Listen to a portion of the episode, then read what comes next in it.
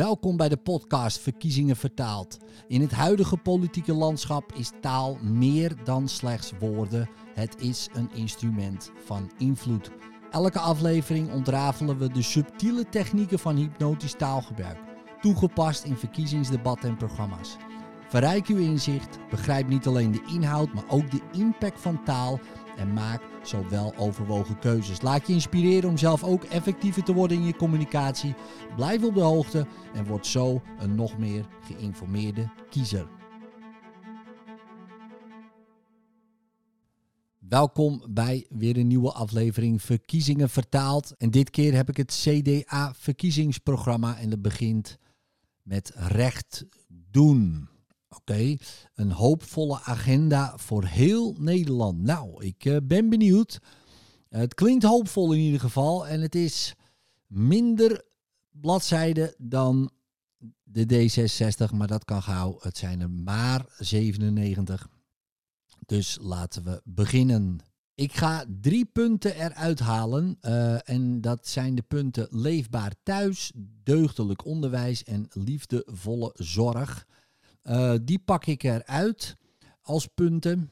En dan uh, ook een heel klein punt waar het CDA zich natuurlijk ook vaak sterk maakt, is sterke gezinnen.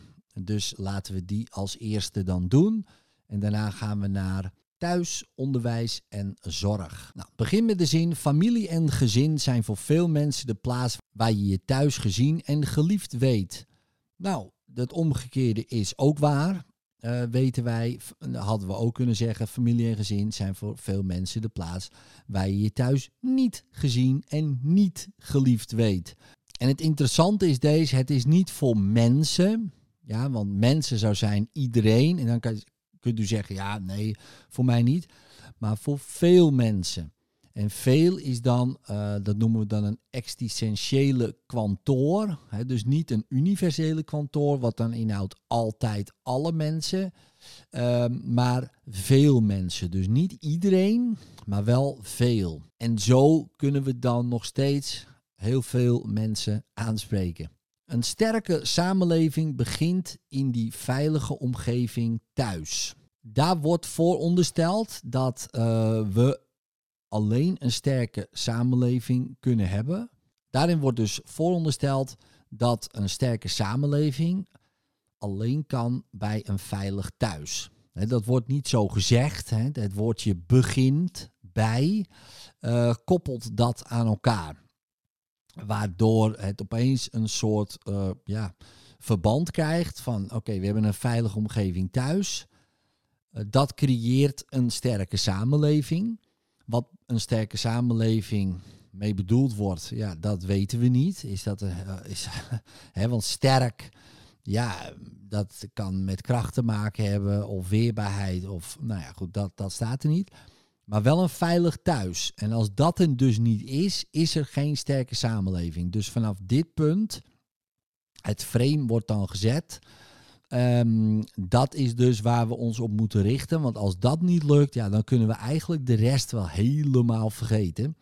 Uh, en daarna komen alle punten die dat uiteraard onderbouwen. En, uh, en dan, daarom zegt ook hier, daarom knokt het CDA voor gezinnen. En knokken, ja, is ook weer hè, uh, het strijden. Ja, dus wij vechten voor jou, wij knokken voor jou. En knokken is, uh, is ook iets uh, wat andere mensen aanspreekt. Ja, mensen die wat ouder zijn. Hè, knokken, uh, dat wordt niet zo heel veel meer gezegd in mijn beleving. In ieder geval niet door de jeugd. maar goed, die willen ze ook niet aanspreken. Ze willen gezinnen aanspreken. En ik vraag me af of knokken dan het beste woord is. En waarom ze dan geen vechten hebben gebruikt. Maar goed, het zijn uh, christelijk democraten. Dus misschien is vechten dan net weer te onchristelijk. En knokken is prima. En dan ook daarna de stelling. Zij zijn het fundament van een sterke samenleving. En dat wordt dan weer bevestigd. Uh, wat, waar we eerst mee zijn gehypnotiseerd. Door de zin: een sterke samenleving begint in een veilige omgeving thuis. Daarmee worden we gehypnotiseerd. En daarna, zij zijn het fundament van een sterke samenleving. Omdat het dan daarvoor al is gezegd, denk ik, ja, nou ja in, inderdaad, inderdaad. En nu komen dan uh, de punten waarbij het CDA meteen begint. Het CDA is de moderne gezinspartij. dus niet de oude gezinspartij. Want uh, we willen een beetje af van ons uh, misschien oude imago of iets dergelijks. Dus noemen we het woordje modern, wat dat ook maar betekent. En zij zeggen dat het betekent dat ze in de wetenschap dat gezinnen van vandaag andere zorgen hebben dan vroeger. Dus zij weten dat gezinnen van nu andere zorgen hebben dan vroeger. Nou, de vraag rijst natuurlijk, hoe weten ze dat? Uh, en is dat zo? En wie zegt dat dan? Nou, daar hebben ze dan daarna allerlei punten voor. En wat ik interessant vind is, door het gezin te versterken, is de kinderopvang gratis voor lage en middeninkomens. Bijna gratis, dus er staat er excuus, niet gratis. Hier staat het woordje bijna gratis. En voor de hoge inkomens, uh, ja, dan is de inkomensafhankelijke bijdrage van, van kracht. Dus ze zetten wel in op gezinnen, maar goed, je moet wel betalen als je je kinderen wil opvangen. Uh, dat dan weer wel. Maar voor alle kinderen van 2 tot 4 jaar gedurende twee dagen per week wordt volledig door de overheid vergoed. De kinderbijslag wordt verhoogd voor alle gezinnen. En gezinnen zijn vrij om zelf te bepalen hoe partners werk en zorg onder elkaar verdelen. Nou, dat is toch mooi hè, dat, uh, dat wij dat zelf kunnen bepalen. En ik was eigenlijk een beetje wel van mening dat dat al zo was. Ik weet niet hoe u dat doet. Maar volgens mij bent u ook vrij om te bepalen hoe u werk en zorg uh, onder elkaar verdeelt. Maar misschien wordt hier wel mee bedoeld dat ik naar mijn uh, baas kan gaan, naar mijn werkgever en kan zeggen: hey, uh, ik heb even met mijn vrouw overlegd. Um, en wij vinden dat, dat ik nu zo moet gaan werken. En dan kijken wat de werkgever daarvan vindt. Daar ben ik wel benieuwd naar hoe ze dat precies bedoelen. Maar nou, het klinkt altijd natuurlijk goed. Ja, daar staat hier een punt. Soms is het niet zo vanzelfsprekend dat thuis een veilige haven is. Hè. Voor veel mensen is het een veilige haven, maar soms niet. En daarna zeggen ze, uh, alleen zitten de wachtlijsten bomvol.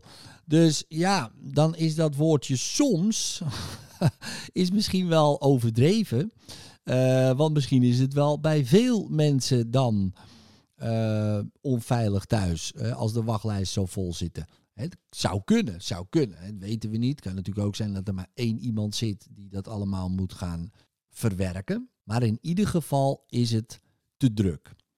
Maar u ziet al, he, het woordje soms, dus meestal dus wel. Meestal gaat het hartstikke goed, maar soms niet. Nou, dan is er gelukkig jeugdzorg. Daarvoor hebben we jeugdzorg. Ze zeiden niet gelukkig. Alleen, de wacht, alleen zitten de wachtlijsten bomvol.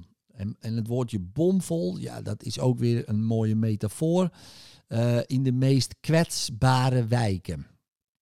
Ja, dus uh, en wat dat precies betekent weten we ook niet. Maar het klinkt, uh, juist door die woorden te gebruiken, kwetsbaar en bom ja, dan, dan is het dus een heel, heel groot probleem, wordt er aan de kaak gesteld. Alleen hoe ze dat gaan oplossen, dat staat dan weer niet echt erbij. En uiteraard uh, beschermt het CDA de gezamenlijke feestdagen en zondag als rust- en familiedag. Um, nou, en dat is natuurlijk hoe het een goed christendemocratisch partij ook betaamt. Dan gaan we naar wonen. Nou, het woningstekort raakt het leven van alle dag en het vinden van een passend huis wordt alleen maar lastiger. De prijs is in 20 jaar viervoudigd. De wachtlijsten voor sociale huurwoningen zijn opgelopen tot gemiddeld 7 jaar. En dat komt, en nu krijg je de oorzaak-gevolgredenatie, doordat we de bouw van woningen te veel hebben overgelaten aan de markt. En de samenleving buitenspel hebben gezet. Dus dus uh, het CDA maakt hier een uh, oorzaak-gevolgredenatie. Dus dat dit gebeurt, komt omdat de markt ja, de, de woningbouw bepaalt. Dus we laten heel even achterwege de stikstofperikelen, de corona-perikelen, dat niet. het was de markt. Ja, dus um, en, nou, en, dan, en om wanneer je dat gebruikt, hè, een oorzaak-gevolgredenatie, in je voordeel, want dat, daarom heb je zo'n verkiezingsprogramma, dan hebben zij natuurlijk een voordeel. En de samenleving buitenspel hebben gezet. Ja, en alsof wij, wij hadden geen enkele inspraak, hè, wij stonden letterlijk buitenspel. Er werd een spel gespeeld. Dus, en wij mochten daar niet aan meedoen. En ook deze interessante metafoor en vooronderstelling, hè, dat er een spelletje wordt gespeeld en daardoor zijn de wachtlijsten zo hoog, ja, voelt natuurlijk ook niet heel prettig. En dat is ook heel slim. Dus heeft het CDA natuurlijk een oplossing. Dus wij zeggen daarom niet langer bouwen voor de markt, maar bouwen aan gemeenschappen. Wonen is een basisrecht. Ja, dus, maar wat is het verschil? wat is het verschil tussen de markt en uh, de gemeenschap? Ja, het woord, uiteraard. Maar de gemeenschap is toch ook onderdeel van de markt, of de markt is onderdeel van het gemeenschap? Uh, is de gemeenschap niet gewoon de markt die op zoek is naar een woning? Uh, dus dat is heel interessant uh, wat ze daarmee bedoelen. Maar um, het klinkt natuurlijk wel zo: de markt is een economisch woord, zou je kunnen zeggen. Hè? Dat heeft te maken met economie, hè, vraag en aanbod. En het andere is de gemeenschap, meer het gezin en de mensen. Ja, we moeten zijn voor de mensen. Ehm, maar in wezen is het gewoon hetzelfde, uh, alleen een ander woord. Ja, dus volkshuisvesting begint met het denken vanuit de lokale gemeenschap. Wat is er nodig om met elkaar een gemeenschap te vormen? Ja, dus het CDA wil uh, een gemeenschap vormen. Ja, dus, en om een gemeenschap te vormen, moet je ook bij elkaar kunnen komen. Drempels hiervoor, slechte verbindingen, hoge kosten, moeten lager worden, niet hoger. We zetten in op een betaalbaar, leefbaar en bereikbaar thuis voor iedereen. Ja, nou, dat is interessant. Als u uh, in de buurt bij mij woont, ik, ik woon in Zaanstad. En als u naar Amsterdam eh, zou willen om 8 uur s ochtends via de A8, dan staat u altijd vast. Ja, dat is, uh, maakt niet uit welke dag uh, praktisch. Nou, zaterdag, zondag uh, niet, niet. Of er moet wat gebeurd zijn. Maar anders staat u altijd vast. Dus ja, natuurlijk, het is mooi om daarop in te zetten. Maar ja, hoe gaat u dat precies doen? En dat is natuurlijk altijd een beetje vaag. Wat zijn de plannen? Willen een, bijna een miljoen woningen bouwen tot en met 2030, waarvan twee derde betaalbaar en met focus op starters en gezinnen. Ja, wat betekent betaalbaar? Dat staat er niet bij. Uh, iedere gemeente bouwt daarbij 40% voor de middengroepen. Uh, voorkomen moet worden dat stikstofregels grote woningbouwprojecten stilleggen. Ze willen een zelfstandig ministerie van Volkshuisvesting en Ruimtelijke Ordening. Het bouwen van een woning duurt gemiddeld 10 tot 15 jaar van plan tot realisatie. Dit moet en kan korter. Nou, als ik dit zo zie, dan denk ik, dat kan toch gewoon in binnen een jaar. Maar goed, wie ben ik? Uh, maar daarvoor moeten dus bezwaar- en beroepsprocedures sterk worden ingekort. Ja, dus uh, in wezen zeggen ze hier, het um, ambtelijk apparaat werkt niet. Hè? Dus de overheid werkt niet. Dat, dat staat hier eigenlijk. Want uh, ja, als we het gewoon aan een bouwvakker vragen, bouw hier een huis, regel het dan staat er in een jaar een huis. En misschien nog wel sneller, denkt u bij uzelf. He, stel je voor, alles zou kunnen. Hè? Dus we hebben hier grond en het enige wat er moet komen is een huis. Regel het. Uh, en hier is geld. Dan, dan staat er zo een huis. Maar 10 tot 15 jaar, dat is toch uh, best lang als u het mij vraagt. Oh, dit is ook wel een interessante. Uh, misschien wist u dat niet, maar in ieder dorp mag er een straatje worden bijgebouwd. Provincies mogen dorpen niet langer in de weg zitten om naar eigen behoeften bij te bouwen. Oké, dus, dus in mijn dorp Eh, als wij beslissen, oh hier kan wel een straatje komen, hier is een weiland en wij willen daar een straatje met z'n allen. Uh, dan, dan maken wij gewoon een straatje. En dat mag dus blijkbaar. Ehm, nou, interessant. Ziet u het al voor u? Dat, dat er opeens, ja jongens, we, we bouwen een straatje. Oké, prima, want dat mag. Uh, heel interessant. Uh, en ja, waar blijft dan het groen? Maar goed, dat staat daar niet bij. Maar beheerst te laten groeien. Oké, nou, wat dat ook maar betekent. Dan ga ik even naar verder. En wat mij opvalt, wij stimuleren dat jongeren sparen voor een aankoop. Uh, voor de aankoop van een woning. Maar goed, hoe gaat het CDA jongeren stimuleren? Uh, dat vind ik wel uh, interessant. Want ik weet nu niet of u jongeren thuis heeft, maar ik wel. vier. En ik heb nog nooit een CDA bij ons binnen gehad of aangebeld die zei: hey, wij willen graag dat u jongeren gaan, jongens gaan sparen. Um, dus dat vind ik een heel interessant hoe ze dat dan gaan doen. Maar dat staat er gelukkig ook. Daar, daarvoor worden afspraken met banken gemaakt. Oké, dus ze komen niet aan de deur. Ja, want het is een onspecifiek werkwoord, hè? stimuleren. Ja, we weten niet hoe iemand stimuleert. Dus dat is heel onspecifiek. Maar daar staat er wel iets specifieker bij. Afspraken met banken gemaakt. Nou, welke afspraken weten we ook niet. De afspraak. Ja, dus dat is een nominalisatie. En dat is een proces uh, of een ding gemaakt, of een proces gemaakt tot een ding, want het is afspreken. En opeens is het de afspraak. Er is, er is opeens een ding gecreëerd, maar het zijn er zelfs meerdere, de afspraken. Welke dat zijn, ja, geen idee. Maar ze kunnen sparen voor de aankoop van een huis tegen een hogere en aantrekkelijkere rente. Maar hier staat ook alles wat met hoger, aantrekkelijker is altijd de vraag vergeleken met wat dan? Vergeleken met nul? Vergeleken met eh, de negatieve rente van een paar jaar geleden? Wat bedoelt u precies? Want dan zou het ook aantrekkelijk al zijn 0%. Uh, uh, als het vergeleken wordt met negatief. Maar dat staat ook niet. Dus, maar het klinkt wel goed. Hoger en aantrekkelijker. Klinkt altijd, klinkt altijd goed, maar u moet altijd bedenken: ja, oké, maar vergeleken met wat dan precies? En een betaalbaar huis is ook een, is een duurzaam huis. Nou, meestal nu, uh, dat is dus niet zo. Uh, um, want een betaalbaar huis nu is juist geen duurzaam huis.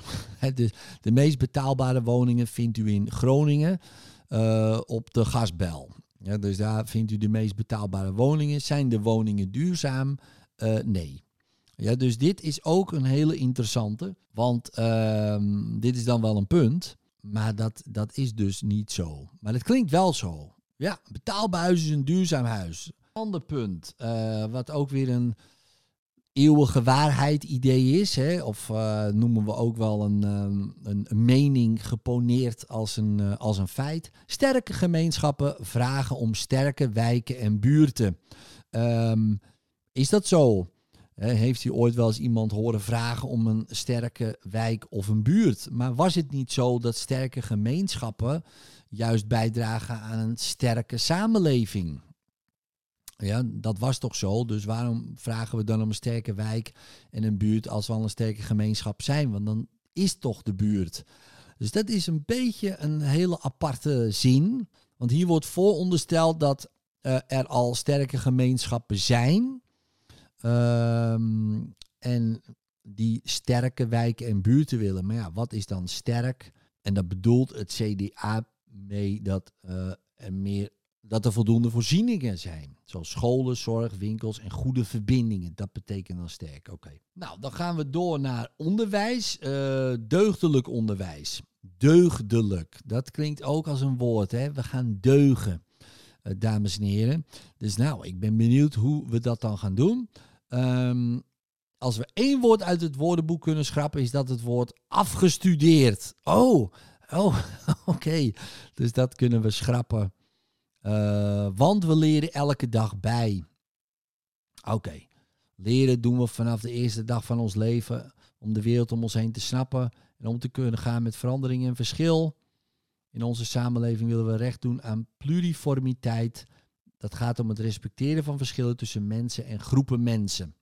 Het CDA wil deugdelijk onderwijs op alle niveaus en dat betekent dan, we zetten ons in voor inclusief onderwijs, zodat kinderen met een beperking zoveel mogelijk meedoen in het reguliere onderwijs. Oké, dus inclusief betekent uh, kinderen met beperkingen laten meedoen. Het staat niet per se voor um, nou ja, kinderen van een andere geaardheid of uh, een ander ras of, uh, of dat soort dingen. Of misschien wordt dat er wel mee bedoeld, maar nu inclusief betekent hier um, met of zonder beperking. En wat dan ook maar beperking mogen betekenen. Uh, ze hadden ook kunnen kiezen met andere talenten, om maar een woord te gebruiken, um, om mee te doen in regulier onderwijs. Nou, hier heeft het CDA allerlei plannen. dus goed en meer inclusief onderwijs is het fundament voor een betrokken samenleving. Um, Oké. Uh, is dat zo? Hè? Goed en meer inclusief onderwijs is het fundament voor een betrokken samenleving. Dus uh, als de samenleving niet betrokken is, komt dat omdat er geen goed en meer inclusief onderwijs is aangeboden. Dus uw betrokkenheid, ja, als u niet betrokken bent, uh, betekent dat dus dat er geen goed onderwijs is gehouden. Blijkbaar. Dan hebben we hier bijvoorbeeld ook het beheersen van de basisvaardigheden is nog niet op orde. Uh, we willen dat het budget voor het verbeteren van de basisvaardigheden rechtstreeks naar de scholen gaat die het nodig hebben. Laaggeletterdheid en digitale geletterdheid verdienen structurele aandacht. Ja, en ook hier ziet u weer, hoe gaan we dat doen? Uh, gaat dat ten koste van andere lessen? Uh, want ja, als we inclusief onderwijs geven, ook met kinderen met een beperking, en de beperking zou kunnen zijn laaggeletterdheid, komen die dan ook in de klas? En gaan we eerst iedereen leren lezen uh, die het niet kan, terwijl de rest het wel kan? Ja, dan uh, wordt dat toch wel een interessant idee. Of uh, krijgen die nog eens extra les, uh, terwijl ze al de hele dag op school zitten. Um, nou ja, het staat er allemaal niet bij, maar dat is wel ongeveer wat er wordt gesuggereerd. Mobieltjesverbod in de klas. Nou, dat is een, um, een goed idee wat mij betreft, maar dat zie ik in ieder verkiezingsprogramma wel terug. Ik weet dat mijn persoonlijke mening uh, er buiten mag staan. Maar ik vind dit wel een goed idee. Het lerarentekort heeft een negatieve invloed op zowel de leerlingen als teams, die samen uit hen het beste weten te halen. Oplossingen uh, ja, moeten daarom vooral uitgaan van de versterking van de school als team van professionals.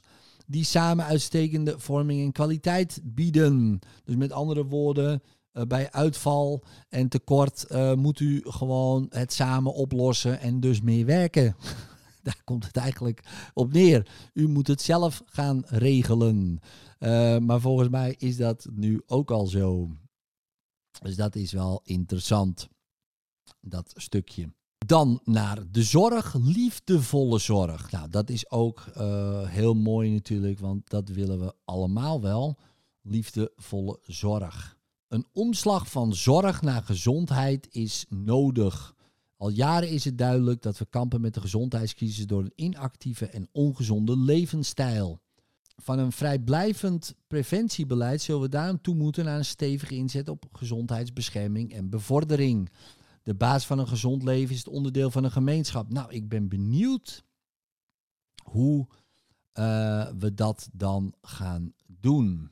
Nou, kinderopvanglocaties en scholen en dergelijke krijgen middelen om kinderen en jongeren te stimuleren om gezond te eten, niet te roken, geen drugs te gebruiken en meer te bewegen. Nou, dat is natuurlijk top. Maar ja, hoe? Alcoholgebruik is schadelijk voor de gezondheid. Ja.